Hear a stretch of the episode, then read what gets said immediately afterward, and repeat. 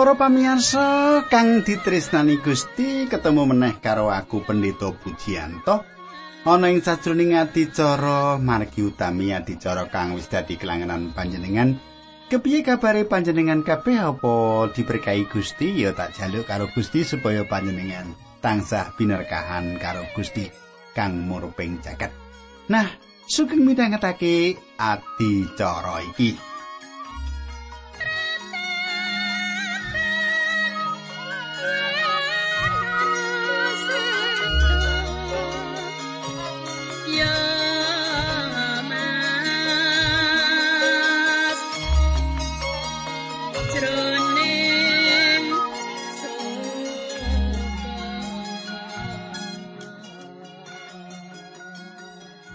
Pamirsa, Injil Lukas saiki wis paripurna. Kepungkur kita wis ngrampungake wucalan utawa pasinaon kita ana ing Injil Lukas iki wis rampung. Saiki panjenengan tak derekake anggo gilet yaiku sinau kitab wilangan. Kitab wilangan saka perjanjian lawas. Nanging sadurunge kita miwiti becik menawa kita ndedonga dhisik. Duh Kanjeng Rama ing swarga.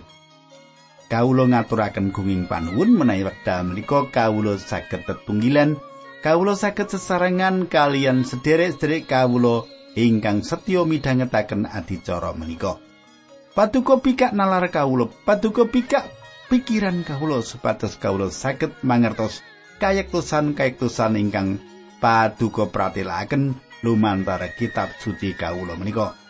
Dinambaran asmanipun Gusti kawula Yesus Kristus kawula ndedonga haleluya amin.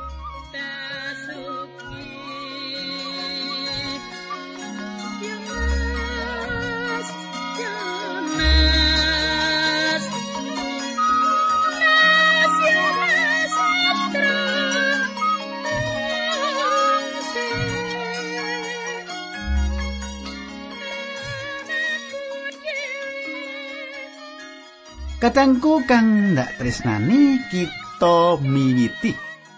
Enggon kita nyinau buku utawa kitab bilangan kanthi katrangan Purwaka. Buku wilangan utawa keterangan-keterangan asal usul saka kitab bilangan iki. Jenenge kitab bilangan saka isine sing ngemot pangitungi bangsa Israel ing pasal siji lan 26 jenenge buku wilangan saka isine sing ngemot pengitungane Israel ing pasal siji lan 26 buku iki utawa kitab iki kitab nomor papat saka kitab-kitab Pentateuk ing kitab Purwaning dumati ngemot bab panciptan lan tumibane manungsa ing dosa lan perkara-perkara sing sarwa sepisanan. Laning kitab iku uga nyatet cikal bakale bangsa Israel. Nalika iku pancen durung dadi sawijining bangsa, nanging isih sawijining keluarga sing padha ngumbara menyang sir ngoncati kahanan pailan utawa kurang mangan kang gedhe. Ing kitab pangentasan keluarga iku wekasane dadi bangsa nalika ana ing Mesir wiwitane padha dadi batur sing pegaweane gawe lan ngobong boto wekasane saka panguasane Allah bangsa iki bangsa Israel keluaran dening Allah sing dipimpin dening Nabi Musa. Keluaran iki kawiwitan saka ora samun nganti tekan gunung Sinai. Israel nggawe pengetan wektu nalika ana ing gunung Sinai lan Allah paring hukum Torat lan kemah pasewakan. Allah nimbali Israel dadi umate lan Allah uga maringi keterangan marang Israel kepriye carane yen swan marang Allah.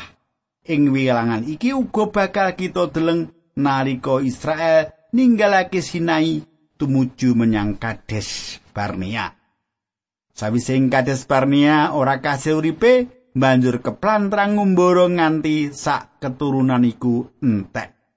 Pangumbaran ing ora-ora samuniki sawijine kasangsaran sing mestine bisa dinggo nyinau kahanan uripe Israel dhewe sing kebak pambang kang pambalelo marang Allah. Kadangku yen bisa diwenehi sesirah utawa ira-irahan, kitab bilangan iki cocok yen dijenengake Pilgrim's Progress. Nek basa kononi, basa Inggris Pilgrim's Progress. Ing saurute crita iki kejaba sawijining pangumbaran uga ana pakaryan, uga paprangan, paseksi lan pangibadah sajroning siarah marang Allah. Buku iki bisa didadekake buku paugeran kanggo wong-wong sing kepingin ngumbara ing bumi iki. Buku iku uga migunani kanggo jaman kita iki apa wae sing disinau dening bangsa Israel sajake cocok yen kanggo pasinaon kita jalaran kanthi mengkono Allah kagungan dasar nyatetake sejarah kanggo panjenengan lan aku. Ing layang Korenta lan Ibrani, siji Petrus lan Yohanes sing ngene, siji Korenta bab 10 ayat 11. Anane lelakon kabeh mau supaya dadi tulodo kanggo wong-wong liya. lan kabeh mau katulis minangka pepiling tumrap kita sing padha urip ing jaman pungkasan. Ing layang Ibrani katulis mengkene. Ibrani 11 ayat 13. Wong-wong mau kabeh padha ngantepi percayani. Nalika sedo durung padha tampa perkara-perkara sing diprastiyake dening Gusti Allah mau, mula mung padha nyawang saka kaduan lan padha nanggapi kanthi pengarep-arep wong-wong mau padha rumangsa ana ing bumi kene padha dadi wong manca lan wong neneka. Ing layang Petrus suga mratelake mengkene, siji Petrus loro ayat 11. Para sedulurku sing ndak tresnani, aku pitutur marang kowe. Sing ana ing donya kene dadi wong neneka lan wong manca. Aja padha nuruti pepinginaning badan, awit pepinginaning badan kuwi tansah nglawan marang nyawa. Malah nginjil Yohanes sunine ngene, Yohanes 17 ayat 14. Piulang-piulang saking paduka sampun kawula suka akan dateng tiang-tiang menika mila piyambakipun dipun sengiti dening jagat awit sami sanes tiangipun jagat kados dene kawula inggih sanes tiangipun jagat ayat 15 kawula mboten nyuwun supados tiang-tiang menika paduka pundhut saking jagat namung supados paduka reksa sampun ngantos piyambakipun dipun kuwaosi dening iblis. Kadangku limang kitab sing kawitan ing kitab suci diarani Pentateuk sing ditulis dening Nabi Musa lan yo limang kitab piwitan iki sing nglairake isine paugerane Torat. Senajan ana sing duwa sing nampik yen kitab-kitab mau ditulis dening Nabi Musa nanging akeh tokoh-tokoh teologia para pakar konservatif lan para arkeolog padha setuju yen Pentateuk iku pancen ditulis dening Nabi Musa Saka Gunung Sinai tekan Kades Barnia iku adohe antara 250 nganti 320 kilometer.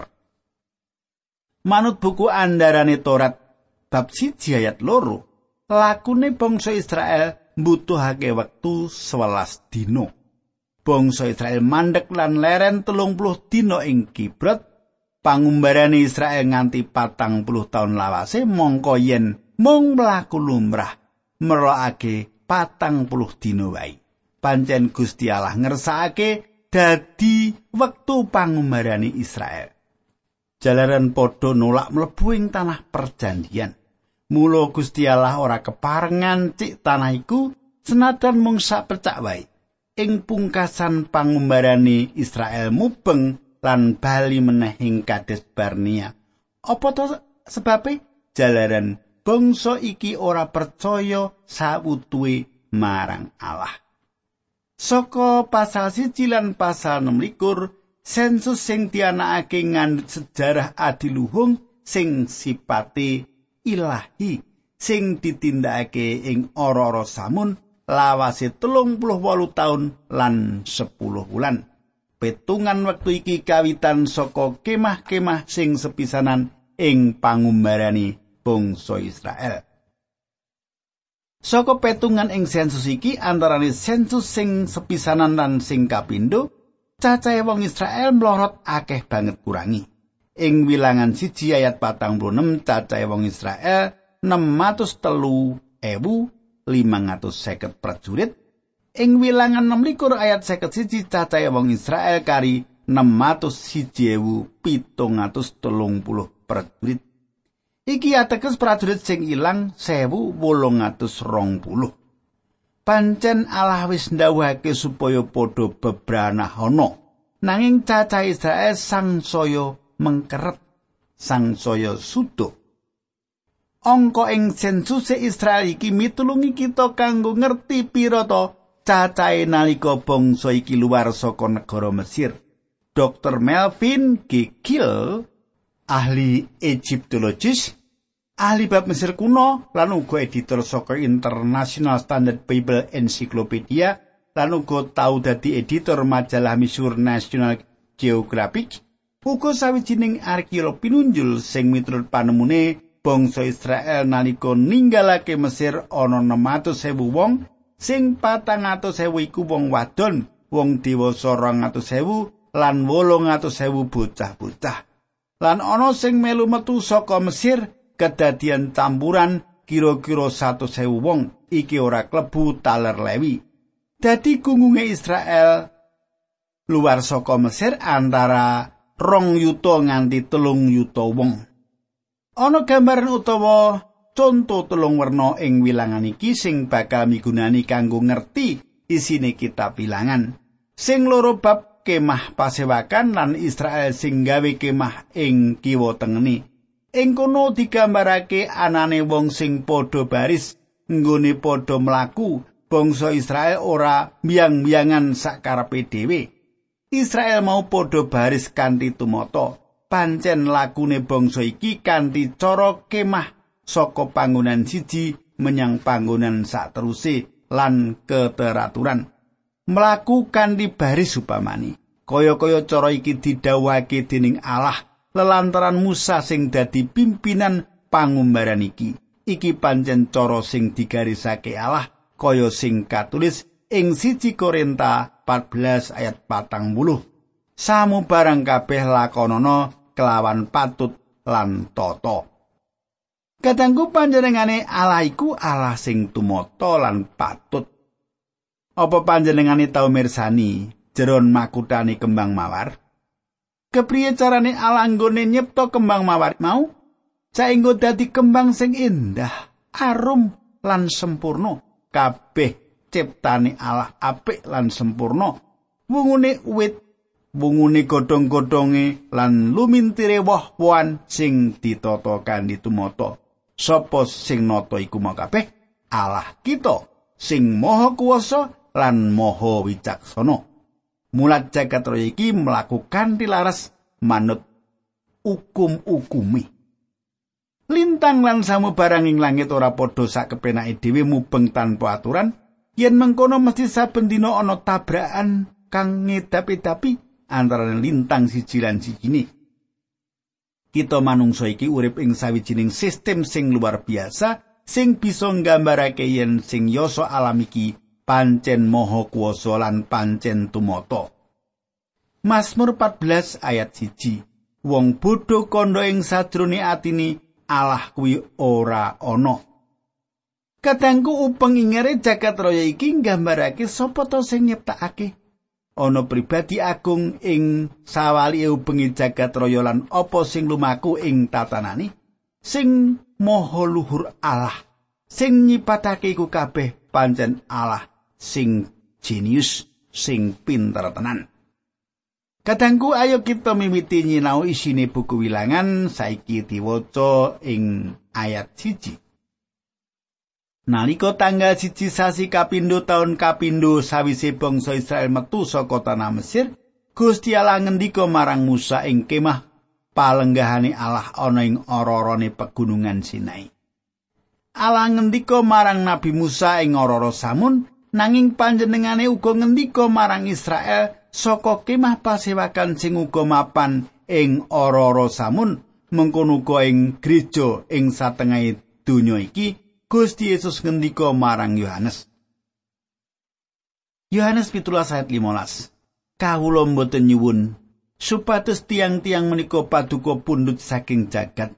Namung supados paduka reksa sampun ngantos piyambakipun dipun kuwaosi dening iblis Kadangku gereja ana tengah-tengahing jagat. Lan Allah ngendika ing kemah pasewakan wong-wong pracaya sing isih wujud ketelan daging. Nyawiji dadi pesamuane gereja yaiku wewangunan sing dioso dening Allah. Ing serat Efesus ditulis ngene Efesus 2 ayat 19 teko ayat rong puluh Mulane kowe wong-wong sing dudu Yahudi wis dudu wong manca utawa wong njaba. Kowe saiki wis dadi warganing umat Allah lan warganing brayate Allah. Kowe uga padha ditekake manut dasar sing wis dibangun dening para rasul lan para nabi. Dene Sang Kristus piyambak jumeneng dadi umpaking saka guru. Ayat likur panjenengane sing gandeng perangan-perangane gedhong mau nganti dadi pedalemane Allah utawa papan pangibadah sing suci kagem panjenengani. Ayat 23 krana patunggilanmu karo Sang Kristus kowe uga padha kabangun bebarengan karo wong-wong liyani dadi pedalemane Allah lantaran Sang Roh Suci. Nah, saiki tak terusake ayat loro ing kitab Bilangan mau. Dawuhe, kowe lan Harun padha nacahno wong Israel manut taler lan keluargane dhewe-dhewe gawe catetan jenenge wong lanang kabeh. Ayat telu sing umur rong puluh tahun munggah sing wis bisa perang. Katangku, Israel kudu diitung. Supaya apa? Supaya bisa ngerti kanthi bener piro cacai lan banjur bisa membangun prajurit sing tanggun. Nalika isih dadi batur tukoning Mesir, Gusti Allah maju perang ganti Israel. Israel ora didhawuhi maju perang. Nanging bareng saiki wis ana ora samun Israel wis cukup prajurite Gusti Allah ndhawuhi supaya Israel bisa merangi musuhe dhewe. Pancen mungsu wis nganti-anti tekane Israel. Kita panjenengan lan aku uga duwe mungsuh sing ora katon. Senajan ora katon ing pripat mungsuh iku nyata. Yen kita bandingake karo layang Efesus ing kono dikandhake paperangan sing diadepi saben wong pracaya ing donya iki. Coba panjenengan semak Efesus 6 ayat 10 nganti ayat 13. Tak waca iki yo. Panjenengan katakake. Wasana padha mbanguno kekuatanmu ana ing patunggilane Gusti kanthi migunake kasektening panguasane. Padha migunakno sekabehing praboting perang sing diparingake dening Gusti Allah marang kowe. Supaya kowe bisa bakoh ngadepi saking kajuligane iblis. Awit kita iki perang ora karo manungsa nanging karo panguasane roh-roh Allah sing ora katon sing ana ing langit ya kuwi peperintahan para panggedhilan daya kekuataning jagat raya sing nindakake panguasane ing jaman sing peteng iki. Kadangku mengkono apa sing ditulis layang Efesus bab 6 mau Gusti Allah wis kepareng milujengake kita kanthi sih kanugrahani sing tanpa wates ajaib lan ngidapi-dapi. Nanging saiki kita mapan ana tengah jagat sing kasar lan jahat sing ala. Kaya-kaya kahanane Israel nalika ing tengahing ora samun yen kita iki ana ing tengahe ora-ora samuni jagat sing kebak dosa iki. Senatan kita wis wilujeng kanthi sih palimirmane Allah nanging kita duweni mungsuh sing kudu dilawan. Rasul Paulus nulis layang marang Timotius. Coba panjenengan kateki. Loro Timotius loro ayat telu. Podo melu nandang sengsara dadi prajurit Sang Kristus Yesus. Siji Timotius 6 ayat rolas melayu ngetok karosanmu ana ing pambalapaning iman. lan gayuwa marang urip langgeng sebab iya kanggo urip langgeng kuwi enggone ketimbalan nalika kowe biyen ngucapake pangakonmu kang becik bab percayamu ana ing ngarepe seksi-seksi akeh ketangku Nalika ing ora samun Israel lagi ngerti apa iku peperangan. Ing wilangan iki bakal ketemu paprangan lan slompret. Kanan kita ing jagat iki uga kudu ngerti bab peperangan rohani. Akeh wong sing duwe anggepan yen wis bisa ngucapake damai tentrem. Terus kanthi gampang katentreman bakal kelakon. Ngrembug bab katresnan. Ngrembug bab asih dudu peperangan. Nanging wong-wong iki senekake cengkahe pamikir yen micara bab damai utawa ketentreman iku. Rukun iku wong-wong iki sajae durung duweni dasar pikiran apa iku rukun, apa iku damai. Ora kepikir yen kita iki urip ing donya sing jembar banget lan jahat. Ing ngendi iki mesti ana tindak awon, tindak piolo, ana kadurakan. Malah ing perangane bumi iki ana peperangan, gelem apa ora? Iku kabeh sing kudu kita adepi. Bener ora? Katangku, apa sing tak aturake iki? Saiki wilangan siji ayat papat. Saben taler konon ngangkat panggedhe kanggo ngrewangi kowe. Katangku kaya-kaya ora narik kawigaten yen kitab wilangan iki kawiwitan kanthi sensus. Ora dramatis kaya cerita-cerita ing televisi kae. Seket papat ayat sing ana iki ora perlu dirinci lan pancen bosenake nanging kagem Allah rincen iki penting. Ana bukti kasunyatan sing wigati sing ditulisake ing wilangan iki sing sepisan Allah ketarik marang kahanan pribadi-pribadi. Jalanan gerakane golongane wong-wong gumantung marang saben pribadi. Luwih-luwih pribadine wong sing wis diwilujengake Allah ketarik bab iki. Musa lan Harun kudu nganakake sensus mula kudu dibantu dening wong siji panggedene taler. Saben jeneng Ibrani mawa teges lan pangarep-arep, teges lan pangarep-arep mau pancen luar biasa. Saiki kita bilangan siji ayat 5 nganti 16. Utawa 5 tekan 6 ya. Iki daftare para panggedhene taler-taler ing Israel sing dipilih nindakake pegawean mau. Taler panggedhene taler Ruben Elisur ben Sedeur Simeon Silumiel bin Surusiadai Yehuda Nahason bin Amidadab Isakar Netanael bin Suar Sibolon Elia bin Helon Ibrahim Elisama bin Amihud Manase Gamaliel bin Pedasur Benyamin Abidan bin Gideoni dan Ahieser bin Amisiyadai, Aser Pagiel bin Okran, Gad Eli Asab bin Dehuel, Naptali Ahira bin Enam. Mbok menawa panjenengan ora ketarik jeneng-jeneng mau coba iki pirsanono. Ruben iku anak pembarepe Yakub nanging ing kene dheweke ora kanggo. Bisa kita deleng saka purwaning dumati patang songo ayat telu nganti papat. Ruben anakku sing mbarep kowe kuwi kekuatanku sing maujud woh sing kawitan saka nggonku dadi wong lanang, kowe sing gagah prakoso dhewe ing antarané anak-anakku. Karosanmu persasat banjir bandang nanging wurung dadi pembarep mergo kowe wis ngumpuli bojone bapakmu lan gawe jemeri peturonku. Kadangku rupen ora anteng kepribadiane kaya banyu. Wong sing kapilih kudu wong sing beda karo liyane. Elisur tegesi Allahku iku gunung watuku. Sediur bapa saka Elisur sing tegese Allah sing Maha Kuwasa iku geni sing makantar-kantar.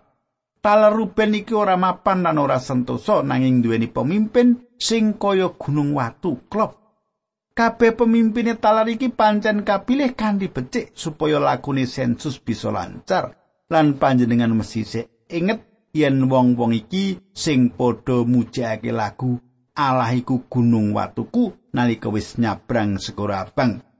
Ayat pitulas wong rolas mau ngrewangi Musa lan Harun. Semene dhisik aturku, ayo kita tutup ing pandonga. Duh Kanjeng Rama ing swarga kawula ngaturaken gunging panuwun menawi wekdal menika kawula saged ngegilut pangandikan paduka saking kitab wilangan. Kawula pasrahaken pakaryanipun Sang Resi wonten telenging manah sedherek kawula menika wonten ing asta paduka supados cetha sang rasuti nerangaken piyambak wonten telenging manah dherek kawula menika. Dinambaran asmanipun Gusti Yesus Kristus kawula tunggu haleluya. Amin